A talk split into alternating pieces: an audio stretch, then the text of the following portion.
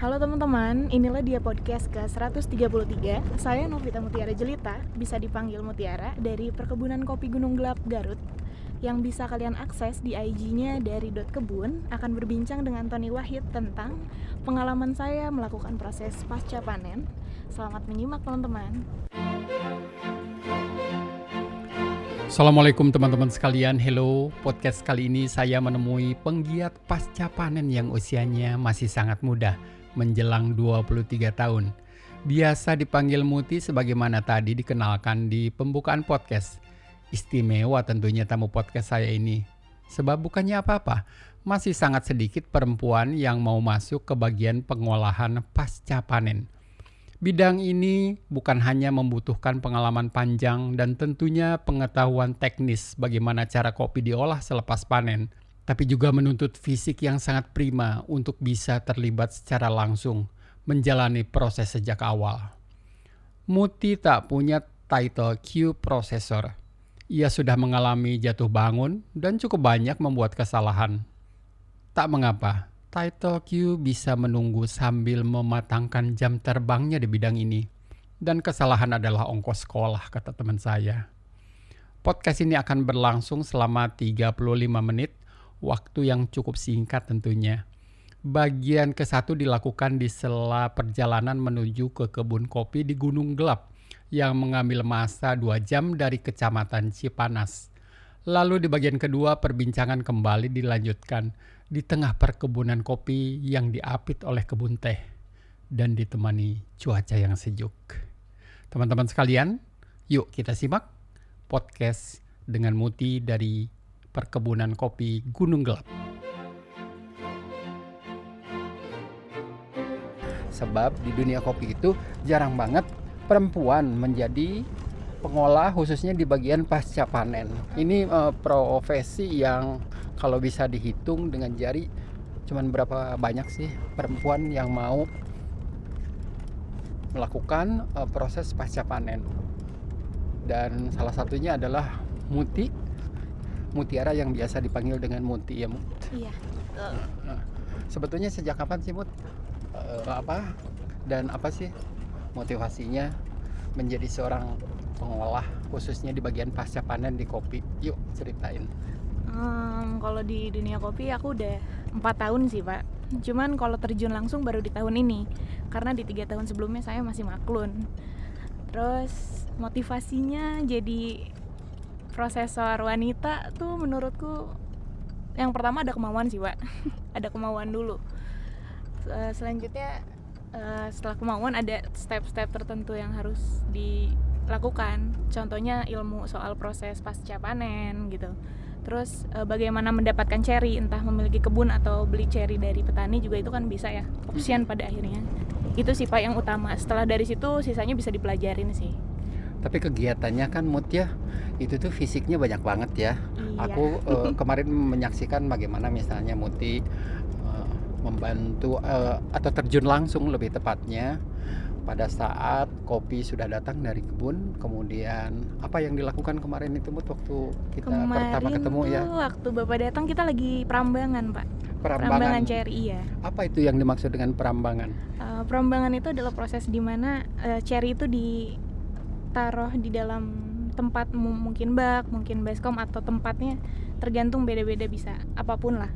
Nanti setelah airnya penuh ada yang cherry yang apa ya mengapung. Kalau rambang tuh mengapung. Ya Nah, ngambang itu, ya, dianya ngambang kalau bahasa Sundanya, tapi mengapung. Nanti dipisahkan pak, yang mengapung itu tuh kita pisahkan karena itu termasuk cherry yang kualitasnya kurang baik. Nah, jadi yang cherrynya tenggelam itu bisa dianggap baik. Dan tapi saat perambangan itu juga kita nggak nggak cuma satu kali, satu sampai tiga kali kita aduk terus karena takutnya ada cherry yang ke tumpuk sama cherry lain. Seperti itu sih kalau gambaran perambangan yang umum. lalu setelah selesai kemudian kopinya ditimbang ya Iya. dan dimasukkan eh dimasukkan ke dalam karung kemudian ditimbang Itu kalau proses natural ya. Kita Proses langsung natural. masukin karung, Hmm. kita timbang dan kita langsung ke proses penjemuran kalau natural tapi kalau proses yang lain itu ada step-step tersendiri gitu dan semua step-step itu sudah Muti lakukan sebelumnya. Oh sudah pak. Sudah ya Sudah, lengkaplah sudah. hebat nih Muti. Aduh. Hujan-hujan lagi waktu itu ya Muti ya kemarin. Dan langsung kopinya di karung itu dibawa ke bagian tempat penjemuran selanjutnya. tempat penjemuran. iya. Berapa lama biasanya dijemur? Kalau untuk natural itu nggak ada patokan hari pak karena kan cuaca kita nggak bisa mastiin ya tapi sekitar 20 sampai 30 hari 21 sampai 30 hari itu mungkin standarnya kali ya pak tapi kalau misalkan cuaca hujan atau sering mendung itu bisa lebih dari itu Jadi tergantung lah ya bagaimana Situasi dan cuacanya. kondisi pada akhirnya Iya. Hmm, Tapi apa sih yang menarik dari menjadi seorang pengolah kopi? Apa yang membuat Muti senang banget menjadi pengolah di bagian pasca panen? pertama sih aku senengnya karena emang aku suka kopi awalnya kan pak tapi kalau untuk di pasca panen tuh seru gitu saat kita terjun di lapangan belajar hal-hal baru. Oh gini ya gitu cara pasca panen dari A sampai Z gitu ya dari cherry sampai jadi green bean. Itu tuh menurut pribadiku seru walaupun capek ya pak. Karena butuh waktu yang banyak butuh tenaga yang banyak juga gitu. Itu menyita waktu dan menyita tenaga kita tapi aku suka sih pak karena di sisi lain eh, selain aku menyukai hal itu kita membantu petani kita membantu eh, ya jadi saling membantu gitu satu sama lain antara sampai petani sampai eh, ke tim dari kebun itu sendiri juga Dan kemarin ayahnya menyaksikan juga ya. iya Komentar awalnya pada saat Muti melakukan proses pasca panen apa komennya beliau? Wah, kalau papa sih dulu nggak percaya saya bakal mau gitu melakukan proses pasca panen. Dia nggak percaya mungkin karena saya wanita kali ya pak. Jadi diragukan kredibilitasnya dila- diragukan. Tapi pada akhirnya setelah tiga tahun, dua tahun, tiga tahun beliau percaya kalau misalkan saya dapat bertanggung jawab atas pilihan yang sudah ditentukan, contohnya di pasca panen ini gitu. Teman-teman sekalian, sebagai informasi, Muti adalah lulusan Sarjana Hukum Universitas Parahyangan dan sebentar lagi akan melanjutkan S2-nya di Universitas Pajajaran, tempat saya juga dulu mengabdi ilmu untuk spesialisasi notaris. Nah, kan nanti bentar lagi kuliah nih. Iya. Terus gimana nanti proses pasca panennya? Em, kalau rencana saya sekarang ya pak, kalau saya tetap kuliah kan Bandung Garut masih bisa dijangkau gitu. Mungkin eh, tetap saya bakal terjun karena panen kan nggak setiap hari juga, cuman panen pan eh bulan-bulan tertentu doang. Insya Allah saya bisa terjun dan saya bisa eh, kontrol langsung, walaupun tidak seintens yang tahun ini pak. Karena ada tim dari kebun yang lain kan yang stay di Garut, tapi saya tetap bakal controlling. Iya, Tuh. pokoknya nggak bisa ke lain hati di kopi ya. Aduh Mut. enggak pak, hatinya udah jatuh di perdunia kopian ini. Dan kita saat ini sedang menuju ke perkebunan yang dari Cipanas sekitar berapa jam ti? Dua jam. Dua jam. Jadi kita eh, off topic dulu perjalanan ini menggunakan mobil eh, menuju ke kebun yang dua jam dengan ketinggian maksimal Maksimalnya di 1300 pak 1300 ya. Alhamdulillah nanti saya akan jalan di kebun. Mudah-mudahan nggak pingsan ya Ti ya. Harus olahraga pak, biar nggak di kota mulu gitu Iya, dan nanti didampingi juga oleh Mang Yadi sebagai Ya. salah satu tim di kebun yang sejak tahun berapa eh, Pak Yadi eh, udah mengolah kebun kopinya? dari tahun 2014-an itu. Jadi sekitar sudah enam tahunan ya. Iya Iya. Tapi Pak Yadi sebagai salah satu tim di sana itu kebun kopi sudah ada sejak kapan? Dulu waktu pertama itu tahu waktu pertama tanam Iya. 2012. Mulai panen itu 2014 udah mulai panen. Kan dua tahun itu kopi apa namanya kopi pendek itu kalau orang Garut bilang mah kopi ateng katanya. Kan pendek itu. Iya. Nah, itu. Oke, jadi tahun 2012 pertamanya ya Pak ya. Iya. Dan luasnya Pak, luas totalnya di perhutani kan ini ya, hutan Iya. perhutani berapa luasnya? Dulu sih kita buka itu sama Bapak 13 hektar, mungkin kalau sekarang tinggal 8 hektaran. 38 yang Ya. saat ini dioptimalkan ya. Iya. Selain kebunnya tadi yang diolah oleh Muti dan Pak Yadi, ada juga kebun lain nggak di sana? Kebun kopi yang lainnya juga? Di sampingnya sih kalau untuk ke sini sininya ada mulai yang ikut-ikut ikut tanam gitu. Setelah ayahnya Muti membuka lahan, Iya. Mereka ada warga situ juga yang ikut ikut eh, tanam gitu tapi nggak sebanyak yang punya bapak sih Iya. Oke, jadi ini nanti perjalanan masih jauh, jadi kita lanjutkan lagi ngobrolnya. gitu ti, tapi seru ya. Seorang perempuan kembali lagi yang biasanya mungkin bukan biasanya banyak yang jadi barista Iya. Atau seorang pencicip kopi atau Q, tapi Muti malah memilih eh, basah-basahan, Kotor-kotoran. kotor-kotoran, keringetan. Keringetan. Wah, udahlah nggak nggak good looking lah, Pak. kotor-kotornya itu ya. Kemudian juga dan biji kopi itu ada getahnya, Ya, itu ada gatal dan itu sudah menjadi makanan sehari-hari. Tidak menjadi halangan buat Muti untuk terus melanjutkan menjadi seorang proses eh, prosesor untuk ngolah kopi. Tapi kan ada nih sekolahnya, Iya. kursusnya. Ada rencana nanti mau ikutan Kalau sekolah Q prosesor? rencana sih ada, Pak. Cuman mungkin nggak tahun ini, mungkin di tahun depan kali. Karena Jadi tahun- kita jelasin dulu kuliah ya. Iya, karena tahun ini tuh saya agak em, rumit nyel- menyelesaikan lanjutan pendidikan, Pak. Jadi ya udah nanti deh tahun depan karena kan itu nggak nggak sering kan diadakannya kelasnya. Jadi ya tahun depan kalau ada rezeki dan ada waktu. Satu hal nih Muti yang pengen yang ingin saya tahu ya. Mhm. Proses pengolahan pasca panen itu kan ada ilmunya. Iya, Dari mana Muti tahu awalnya apa yang mesti dilakukan? iya, Kemudian hal-hal kemudian selanjutnya yang juga eh, penjemuran, Iya. pembersihan dan lain sebagainya. Itu kan banyak stepsnya. iya. Awal tahunya itu kayak gimana tuh Mut? Kalau awal tahunnya tuh saya eh, sempat ikut beberapa kelas di 5758, Pak. Untuk mengetahui pertama dari sejarahnya, dari green gradingnya, bahkan sensori. Tapi untuk cara pasca panennya, em, saya banyak bertanya pada orang-orang yang paham menyoal itu. Salah satunya ada yang membantu saya di tahun ini juga gitu. Eh, saya Mau boleh di- sebut namanya atau enggak nih? atau Boleh. nggak usah. Eh, saya dibantu tahun ini tuh alhamdulillah ada Mas Ikang dari Bajawa sama Mas Awan juga.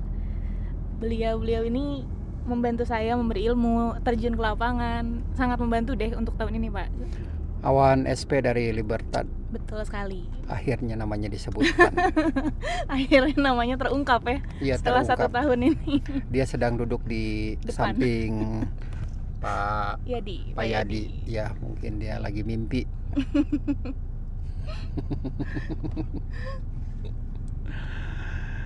Begitu, Pak. Ya, Iya. itu. Tapi selain Mas Awan dan Mas Ikang banyak orang-orang juga yang berpartisipasi berpartisipasi untuk sharing soal pasca panen gitu bareng dan ya alhamdulillah sih orang-orang baik ya untuk sharing ilmu kayak gitu. Dan saya bersyukur karena terbantu sekali gitu. Sehingga perlahan-lahan Muti Iya. bisa lebih mengembangkan Iya. bagaimana tata cara atau tata laksana Iya. proses pasca panen di kebun ya. Betul, Pak. Tapi yakin ini mau terus dilanjutkan nih kotor-kotoran di kebun. Rencana saya sih yakin, Pak. Cuman kan nggak ada yang tahu ya ke depannya gimana. Semoga konsisten, tapi saya insya Allah bakal ya stay di sini, stay di dunia kopi juga. Iya. Untuk hasil dari kebun Iya. saat ini berapa banyak yang sudah dihasilkan pada perpanennya Oke, tahun ini. tahun ini misalnya? Kalau total belum ada karena belum selesai kan, Pak. Tapi Oke, tahun perkiraan- kemarin Perkiraan kalau sampai bulan ini itu di 3 ton nyampe sih, Pak. Cherry ya. tiga ton seri ya. Untuk tahun ini. Jadi saya mencoba untuk membayangkan 3 ton seri yang kemarin itu dilakukan perambangan dan Muti terlibat langsung. 3 ton teman-teman, bukan main-main itu ya. Iya, walaupun setiap panen paling satu ton atau 5 kintal atau 7 kintal itu dicicil gitu, Pak. Nggak langsung datang 3 ton, enggak. Enggak ya. Gini-gini mungkin ya pertanyaannya. Pada saat sebelum ketemu sama Awan dan Kang siapa itu? Ikang, Mas Ikang. Mas Ikang dari Bajawa, apa yang membedakan proses sebelum dan sesudahnya? Em, sangat signifikan sih Pak perbedaannya. Misalnya kalau yang dulu kayak gimana? Oke, pertama dari sisi ilmu, saya lebih paham soal terjun di lapangan karena benar-benar di eh, guide langsung sama beliau-beliau gitu dikasih tahu gimana tata caranya, bahkan di lapangannya seperti apa. Pertama itu dari ilmu, Pak. Itu saya jadi lua- makin luas lah soal eh, proses pasca panen. Yang kedua tuh soal data itu sangat jelas. Data dalam hal apa? Data dalam hal eh, cherry ke green bean berapa, tiap panen berapa. Pokoknya per data semua. Termasuk side produknya seperti Eh, Kaskara. Iya, saya jadi tahu ternyata oh ini tuh bisa punya nilai jual misalkan kayak gitu kan. Kalau tahun kemarin tuh saya benar-benar hmm, kurang transparan karena maklun kan pak.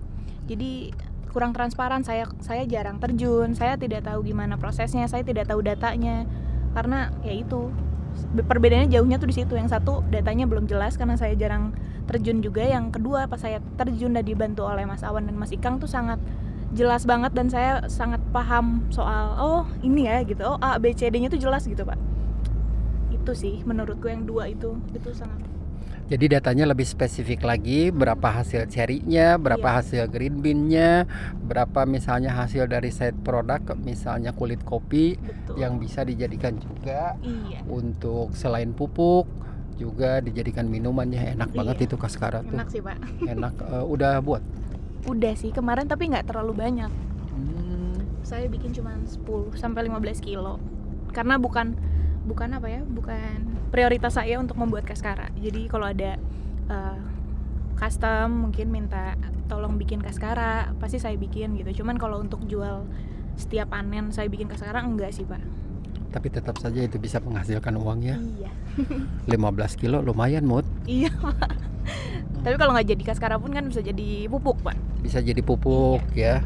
Kebetulan di samping proses pengolahan kemarin itu ada Eh, kandang ayam ayam petelur Iya, luar biasa. Nanti kita akan melihat juga bagaimana panen telur ayam. waduh jadi Jadi ya jauh-jauh kita dari Bekasi kita akan melihat bagaimana ayam bertelur. tiap pagi ditungguin ya Ditungguin. Peternakan tidak ada ketertarikan. belum mungkin pak Belum ya. Belum mungkin. Kopi jauh lebih menarik ya. Iya, karena kalau dipelajarin semua juga kayaknya belum deh, belum. Maksudnya nggak nggak nggak worth it kalau dipelajarin semua. Harus satu-satu pak, menurutku. Karena ya kalau semua dipelajarin juga agak belibet jadi nanti nggak fokus gitu, nggak fokusnya kebagi-bagi jadinya kan. Jalannya nanjak terus ya ini dari Cipanas. Iya, nanti lewatin kebun teh pak di depan.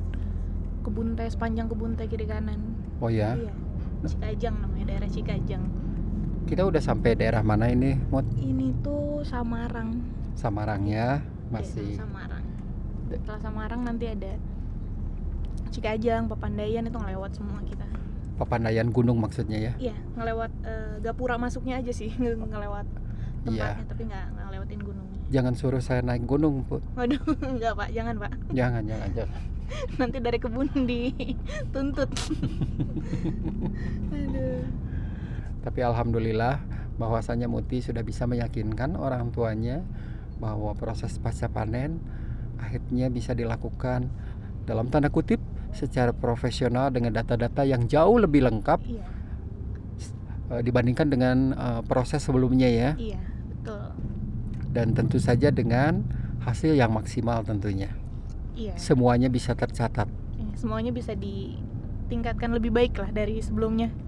Podcast sama Muti itu pertama kali adalah atas usulan Awan dari Libertad yang mengusulkan saya untuk melakukan wawancara terhadap Muti sebab ini profesi yang sangat jarang di ada beberapa ya Wan ada perempuan yang melakukan proses pasca panen. Dan ini sudah mulai sih sebetulnya banyak juga. Langsung terjun ke lapangan.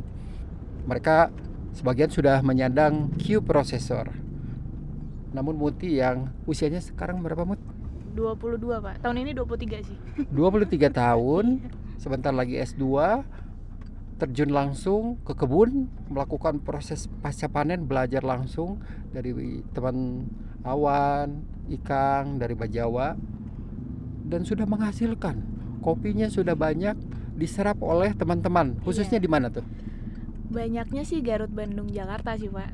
Di luar kota pun ada seperti Banjarmasin, Lombok udah. Cuman mayoritas tuh banyaknya Garut, Bandung, Jakarta. Kalau di luar pulau mungkin satu atau dua, paling banyak lima coffee shop saja.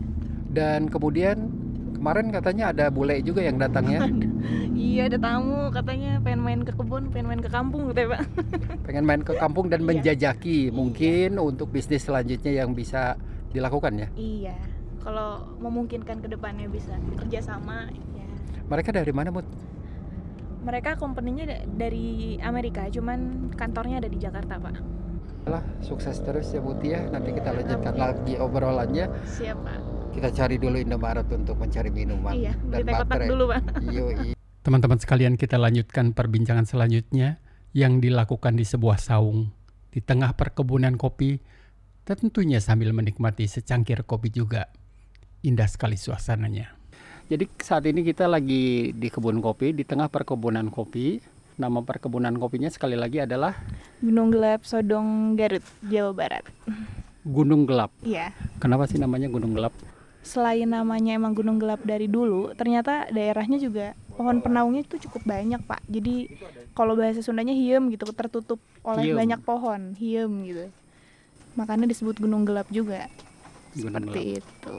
dan sudah tidak terhitung ya Muti berapa kali ke sini.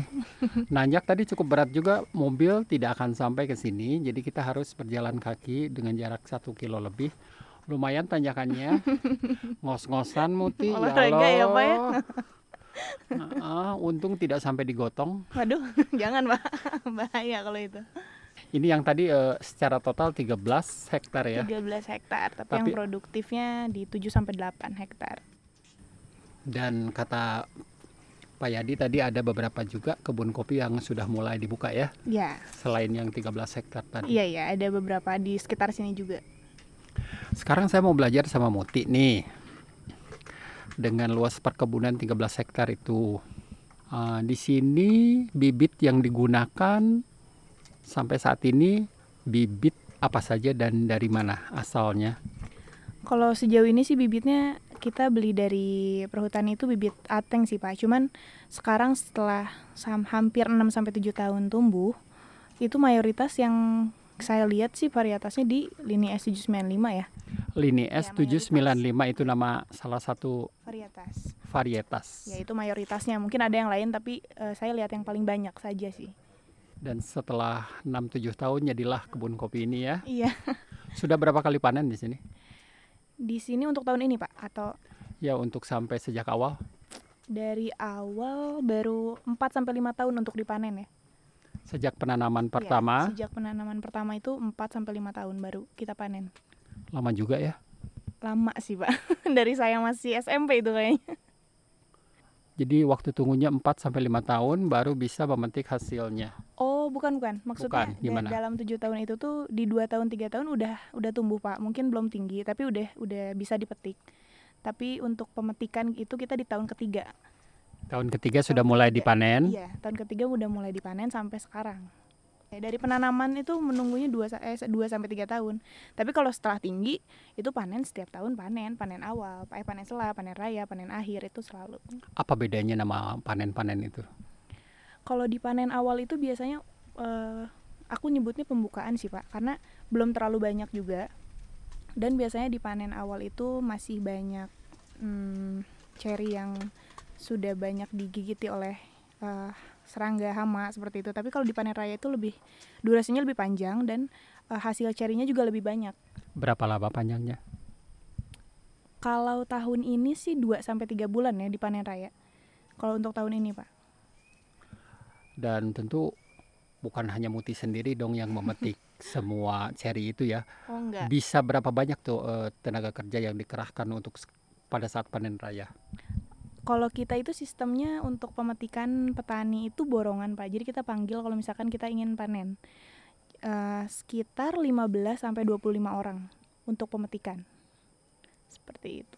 Berapa lama biasanya mereka sampai selesainya? Dari jam 10 pagi sampai jam 3, jam 4. Jam 4 tuh udah store cherry, kita udah kilo, kita udah eh, packing untuk dibawa ke tempat pencucian, tempat proses. Dan itu panen raya dilakukan tadi tuh dua bulan ya, 2 sampai 3 bulan sih, Pak. dua sampai tiga bulan. Iya, iya. 2 sampai 3 bulan karena dalam tiga bulan ini kita nggak panen setiap hari. Tapi eh, misalkan di bulan pertama tanggal 1 oke udah dipe- udah dipetik, kita tunggu 1 sampai 2 minggu, lihat kondisi cerinya. Kalau misalkan udah oh ya udah banyak yang merah, kita panen di minggu kedua. Minggu kedua pemetikan masih ada yang bunga tuh berbunga. Yang berbunga kan kita harus nunggu lagi. Itu tuh mungkin tiga minggu lagi, mungkin empat minggu lagi. Jadi selama tiga bulan tuh eh, tumbuhnya tuh eh, berurutan dan cepat gitu, Pak. Jadi pokoknya janjian aja dengan para pekerja itu Iya. nanti tanggal sekian kembali lagi untuk melakukan panen ya. Betul, betul sekali. Jadi ntar kita eh, kita hubungin pihak yang eh, orang sininya, oke ada borongan misalkan pemetikan besok, besok pagi mereka udah metik. Jadi kita datang mereka udah metik.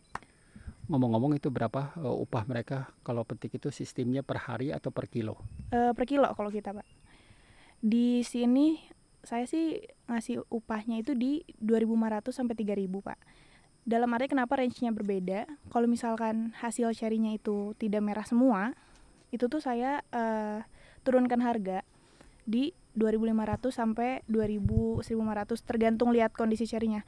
Pertama kenapa? Yang saya utamakan itu untuk disiplinnya petani pak. Karena dari pemetikan aja itu kalau misalkan nggak rapi, nggak nggak ambil yang merah semua itu ngaruhnya berembetnya tuh ke ke mana-mana.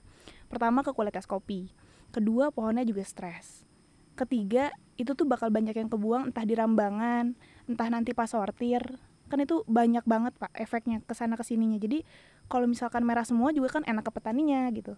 Dari upahnya nggak dipotong, dari kualitasnya juga bagus, ke pohonnya juga nggak stres gitu, seperti itu. Dan itu mesti dikomunikasikan kepada para pemetik ya setiap Iya. saat. Iya, setiap mau panen eh, aku selalu ngobrol dulu gitu. Kasarnya kita penyuluhan dulu, Pak, ini ya, ini ya, walaupun pada akhirnya pada kenyataannya juga ada aja yang bandel gitu masih aja kayak gitu mungkin pengen cepat atau pengen gimana saya kurang paham tapi itu hal sulit sih pak untuk mendisiplinkan hal tersebut tuh sulit menurutku Iya, jadi mereka yang hijau juga dipetik Iya. juga. kadang sama ranting-rantingnya pak dipetik Jadi sampah dong. Iya. biar berat mungkin ya tapi jadi ya Allah gitu tapi saya nggak capek buat oh ya ngingetin deh setiap mau panen ngingetin ngingetin ngingetin semoga menjadi disiplin ke depannya ya alhamdulillah kalau enggak ya sudah mungkin upah mereka juga tetap bakal dipotong pada akhirnya kan mereka yang rugi juga sebenarnya pak udah capek berat dipotong gitu Apalagi yang tadi banyak ranting gitu ya. Mm-mm. padahal kalau mereka metik merah tuh udah mah sama-sama berat nih tapi kan nggak dipotong nih upahnya jadi mending merah sekalian. Dibanding ijo campur pelangi udah mah berat. Sakit badan dipotong juga stres juga kualitas nggak bagus gitu. Saya selalu jelasin tapi alhamdulillah selalu ada perubahan yang signifikan gitu dari awal sampai sekarang. Dari pagi sampai sore pula metiknya itu. nah itu pak. Kemudian lahannya ini kita berbicara bukan hanya bukan di lahan yang datar ya kalau Nah, iya. kebun kopi itu dengan tingkat kemiringan yang cukup lah kalau kita terperosok ya, Ya, jatuh. engkel lah Eng- minimal engkel kalau nggak patah tulang engkel gitu Tapi nggak ada ya kejadian kayak begitu. kalau engkel sih masih sering tapi Oh, kalau masih. aku sih masih sering engkel kalau misalnya kecapean gitu atau gimana nggak fokus kan pak tapi kalau buat patah atau gimana yang terlalu mengerikan belum janganlah jangan sampai jangan sampai terjadi gitu. Lumayan ya tingkat kecuraman kebun kopi Iya, itu. Bahayanya aduh resikonya kalau nggak hati-hati ya ya cedera gitu. Tapi mereka yang biasa sudah terlatih. sudah terlatih sih pak. Terutama petani di sini saya salut. Apalagi ibu-ibu atau bapak-bapaknya pak saya acungkan dua jempol kepada mereka yang umurnya udah cukup tua tapi mereka tetap bisa memikul beban di 20 sampai 25 kilo per orang. Biasanya ya yang store itu di 20 sampai 25 ada sih yang di bawah 20 cuma rata-rata di 20 20 kilo iya per orang pak Bawa per karung. orang iya. bawa karung. Dan mereka harus jalan lumayan jauh kan sampai ke tempat saung ini. Iya karena saungnya kan eh, sebenarnya di senternya tuh di tengah kan saungnya itu ini. Cuman kan mereka tetap keliling dari mana dari mana dari timur dari utara tapi kan mereka kuat gitu dan saya salut sih Dan untuk kita berbicara berapa hektar? 8 ya. delapan yang produktif 8 hektar itu bukan deket ya. bukan dekat ya bapak merasakan sendiri lah ya jalan ke sini iya, sampai Aduh. eh, lutut rada lemes lemes. leles Dan di saung ini, di tengah-tengah ini Mm-mm. eh, dilakukan penimbangan penimbangan cherry untuk penghitungan cherry per orang dan upahnya dibayarkan harian. langsung ya Harian. kita langsung setelah penimbangan kita langsung bayar berapa biasanya mereka dapat tar- rata-rata? Rata-rata kalau 20 di 60 sampai 100 ribu ada lah. Untuk satu hari ya Pak. Lumayan juga ya dan ini bisa berhari-hari nih. Iya lumayan juga dan ini kan eh, terus continue gitu. Kegiatannya itu continue ya. Untung sih buat mereka semoga membantu. Saya berharap sih itu membantu. Gitu. Untuk per hari segitu. Dan kebanyakan mereka eh, sudah terbiasa juga eh, untuk memetik di daun-daun teh yang di Iya. sini ya. Iya iya betul. Karena di sini tuh mayoritasnya kopi dan teh. Jadi mereka cukup terbiasa dengan medannya, dengan mengangkut barang dan lain-lainnya juga gitu. Dan kalau kita lihat di sini buat teman-teman bisa dibayangkan hamparan kebun teh, kemudian di sini adalah perbatasan kebun teh dengan kebun kopi. Iya betul betul. Indah sekali pemandangannya, cuacanya sangat-sangat adem Adem. dan sebentar lagi kita akan menikmati secangkir kopi. Oke, balik lagi kepada topik. Setelah ditimbang, proses selanjutnya adalah Setelah ditimbang kita eh, pindahkan cari ke tempat proses. yang kemarin itu. Yang kemarin Bapak datang pertama. Kita pindah ke sana, nanti kita tentukan mau pakai proses apa nih gitu. Bentar, eh, itu tempat perambangan ya kalau kita Iya. boleh sebut atau Tempat eh, prosesnya gitu. tempat prosesnya itu ada di kota Cipanas ya. itu di ya di Tarogong sebenarnya pak nama Oh, di daerahnya Tarogong ya. Rancabango nama daerahnya Rancabango di Garut kotanya kita proses di sana nanti setelah cherry datang kita tentukan atau sesuai custom dari eh, yang order mau mau proses banyak banyaknya proses apa nanti kita tentukan dulu oke misalkan proses natural kah honey kah full wash kah. Nanti baru kita lanjutkan ke tahap eh, proses pencucian eh perambangan. Udah perambangan kalau misalkan natural perambangan ya nggak ada kupas nggak ada pulping. Tapi kalau misalkan full wash atau han atau honey honey pulping tanpa air kalau misalkan yang full wash itu pulping tapi pakai air bedanya full wash sama honey di full wash kan kita ada fermentasi kan mbak nah jadi tiap proses punya ciri khasnya masing-masing lah gitu Kita akan membahas satu persatu ya. oke Kalau tadi natural, setelah perambangan atau disortasi ya, kulit kopinya atau biji itu cerinya cherry-nya Iya, itu cherry. tidak dipalping. tidak dipulping kalau khusus natural. Jadi setelah tidak dipalping apa yang dilakukan setelah itu? Jadi kalau untuk pertama natural, yang pertama tuh kita melakukan perambangan. Yang perambangan aku jelasin yang tadi kan Pak, udah aku jelasin soal perambangan. Nah setelah perambangan, em, kita bawa cherry ke tempat penjemuran, lalu kita jemur di em, para-para saya bilang atau jaring, di mana si cherry-nya juga jangan terlalu numpuk, jangan apa si lapisannya jangan terlalu tebal, karena nanti takutnya ada jamur atau apa.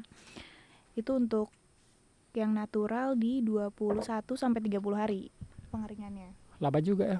Agak lama Pak karena karena kan cerinya diikut kan kita nggak nggak pulping nggak mengupas kulit kulit ceri dengan biji kopinya gitu nggak di nggak dipisah gitu jadi itu pasti lama gitu. Yang selanjutnya itu proses yang full wash. Eh bentar. Jadi nanti kulit eh, kopinya setelah 30 hari kayak Oh, iya. gimana? Setelah 30 hari udah kering nih. Terus patokannya itu ada beberapa patokan sih Pak. Kalau saya pakai semua cara gimana ngecek ini kopi natural ini udah kering apa belum. Yang pertama itu kita pencet gitu kayak udah crispy apa belum, kayak udah crack gitu bunyi. Yang kedua tuh saya goyang-goyang di tangan gitu. Kalau misalkan udah kocelak apa ya bahasa Indonesianya aku Ya bingung. pokoknya Udah- kocelak aja ya. yang udah kopong pak Iya. kalau udah kopong di mana si biji kopi sama kulitnya udah pisah itu kan pasti kopong kan itu patokannya udah kering dan kita bisa eh, haler kita bisa haling langsung. Haling itu adalah melepaskan? Eh, melepaskan si eh, kulit kopi eh, jadi melepaskan si kulit cherry dari kopi tersebut. Itu haler kalau untuk natural. Dan cara yang ketiga untuk menentukannya itu saya kupas satu-satu pakai tangan dan cek pakai alat moist karena kan sebenarnya natural nggak bisa dicek pakai alat moist karena kan masih ada kulit kopinya.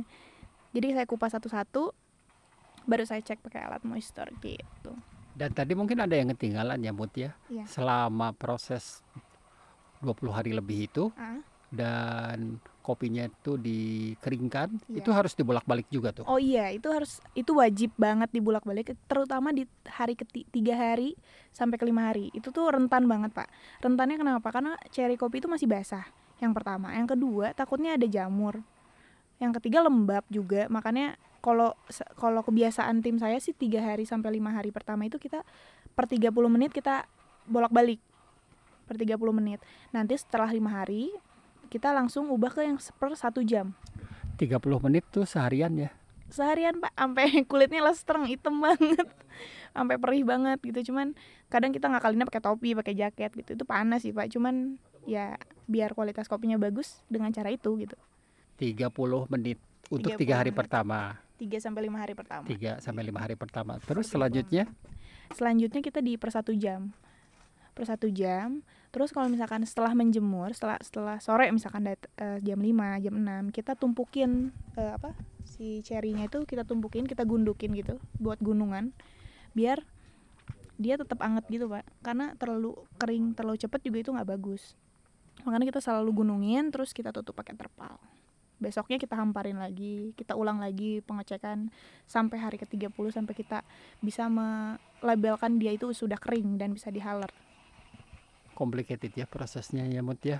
Cukup complicated lebih complicated lagi proses lain sih pak. Oke nanti akan kita masuk ke sana tapi kalau saya tadi mendengarkan penjelasan Muti proses natural yang dibolak-balik iya. 30 menit seharian pula. Kemudian setiap satu jam sekali kemudian Iya. dibuat gunungan ditutup. Ah, bentar. Jadi berminat pak jadi prosesor Ah, enggak. Mendingan saya jadi pewawancara aja. Oh siap. Tapi memang dibutuhkan dedikasi yang luar biasa untuk melakukan semua proses ini Iya. ya kesabaran jaga kesehatan itu utama sih pak. Karena kalau kitanya aja sakit gimana mau berkegiatan gitu? Dan bisa sampai jam 2 malam kalau pada saat eh, kopi datang dari kebun kopi ya Iya, waktu betul. perambangan itu karena mesti langsung diproses tuh ya. Iya, kita harus diproses. Itu di biasanya kalau sampai subuh jam 2 jam 3 itu diproses full wash atau natural? Begadang itu begadang sih pak. Karena kan setelah perambangan kita lanjut ke pulping pulping itu peng- pengupasan si kulit ceri setelah kulit ceri kita eh, masukin untuk fermentasi mas- masukin ke bak untuk fermentasi gitu. Dan kalau misalkan jumlah cerinya banyak juga kan butuh durasi yang cukup panjang. Tadi kita sudah mendengarkan penjelasan Muti tentang proses natural yang tentunya sangat kompleks ya, Eh, perlu waktu yang cukup panjang Iya. dan tentu cuaca yang juga sangat-sangat mempengaruhi. Iya. Sehingga bisa eh, waktunya jadi tidak tentu kalau Iya, cuacanya nggak bagus ya. betul. Maksudnya nggak mataharinya kurang, Iya, atau hujan terus gitu. hujan terus seperti kemarin kita Wah, iya. Dari pertama aduh. kehujanan. kehujanan lagi kerja. Selanjutnya adalah proses yang kedua nih yang dilakukan. Apa nama prosesnya dan boleh dijelaskan? Yang kedua itu saya bikin full wash ya pak. Full wash itu di mana saat cherry datang sama eh, stepnya kita melakukan perambangan. Setelah perambangan kita mengupas kulit cherry atau kita bisa sebutnya pulping atau pulper. Kita pakai mesin pakai pulper. Udah gitu. Setelah di pulper kita masukin bak. Kalau saya sih mas eh, pakai ember. Kalau misalkan tergantung. Kalau misalkan banyak kita masukin bak. Kalau sedikit kita masukin ember. Hasil yang sudah dipalper Iya, itu ya. hasil yang sudah dipalper yang belum yang masih ada getahnya, Pak. Udah gitu direndam pakai air, kita kita isi air. Terus kita fermentasi. Kita biarkan, kita fermentasi tergantung ada yang 14 jam, ada yang 24. Itu sesuai ya sesuai selera lah si proses kopinya mau seperti apa gitu. Gaba basahnya kita rendam pakai air sampai ketutup kayak bikin nasi Pak, ada ada yang sisanya gitu kan. Udah gitu kita biarin, kita fermentasi. Kalau saya tahun ini sih saya pakai di 24 jam, Pak. Saya dengar ada yang sampai 100 jam. Oh iya, itu kemarin eh, saya bikin eh, apa namanya? Cuman coba-coba fermentasi yang ada 14 jam, 24 jam, 36, 72 sampai 100 jam untuk mengetahui eh, di panen raya ini kopi ini enaknya diproses apa sih, Pak gitu. Setelah eh, saya melakukan itu bersama tim, bersama Mas Awan dan Mas Ikang juga, ternyata dari fermentasi semua fermentasi yang paling menonjol itu di 24 jam. Makanya saya menggunakan fermentasi 4 24 jam di full wash tahun ini. Udah itu setelah fermentasi kita cuci bersih Pak sampai getahnya nggak ada. Jadi udah fermentasi 24 jam kita cuci bersih pakai tangan sih saya masih manual kalau nyuci masih pakai tangan. Sampai bersih sampai nggak ada getahnya. Terus kita bawa ke tempat penjemuran sama halnya dengan natural kita eh, hamparkan, kita keringkan balik setiap hari per jam. Dan harus hati-hati di tiga hari sampai lima hari pertama tapi bedanya sama natural, full wash ini lebih cepat kering. Karena kan udah nggak ada cerinya, udah ada nggak ada getahnya. Ini biasanya di dua minggu itu udah kering, Pak. Terbalik dengan yang natural tadi ya. Iya, betul. Tapi proses yang lebih lamanya ini pengupasannya kalau misalkan yang full wash. Kalau yang natural kan lamanya di pengeringan, padahal pas yang proses pencucian mah cepet dirambang udah selesai gitu, nggak ada nggak ada fermentasi dan lain-lain. Kemudian itu full wash nih. Iya, betul. Pokoknya biji kopi dimandiin deh. Dimandiin itu, dirambang biar bersih. Lalu proses selanjutnya apa? Yang selanjutnya itu udah honey, Pak. Kalau proses honey itu saya nggak bikin untuk umum tahun ini, kan- tapi kemarin saya bikin, saya coba-coba. Di mana cherry sama, cherry datang, kita rambang juga. Setelah dirambang, kita pulping, tapi nggak pakai air, Pak. Kalau saya pulping tapi nggak pakai air. Kan kalau yang full wash itu pulping tapi dikasih air juga kan, kucuran air dan lain-lain. Yang honey saya nggak pakai air, udah gitu, dan nggak ada fermentasi. Kalau full wash ada fer- fermentasi kan, kita diemin 24 jam terus cuci bersih. Kalau nggak honey, pulping masih getahan udah jemur, kita bawa ke tempat jemur, kita jemur. Bedanya di penjemuran, yang honey itu kita nggak aduk 30 menit sekali di awal pak. Kita bi- biarin dia agak lengket seperti karamel gitu. Setelah kayak karamel gitu baru kita balik, baru kita aduk dan ke depannya baru sejam sekali. Pokoknya kita tunggu lah satu hari dua hari. Biasanya satu hari itu udah kering tapi tergantung ya kalau panas banget satu hari udah kering banget kayak karamel. Baru kita balik, kita aduk dan eh, selanjutnya satu jam satu kali. Itu biji kopi saling menempel. Menempel pak kayak karamel kayak apa ya bentuknya kayak karamel gitu. Kayak nempel emang gara- gara-gara kan getahnya emang nggak kita cuci bersih kan. Gitu. Itu proses honey. ya. Berapa lama eh, total untuk pengeringannya? Kalau honey hampir sama kayak full wash di dua minggu. Dua minggu, ya dua minggu itu udah kering lah. Kalau misalkan cuacanya mendukung.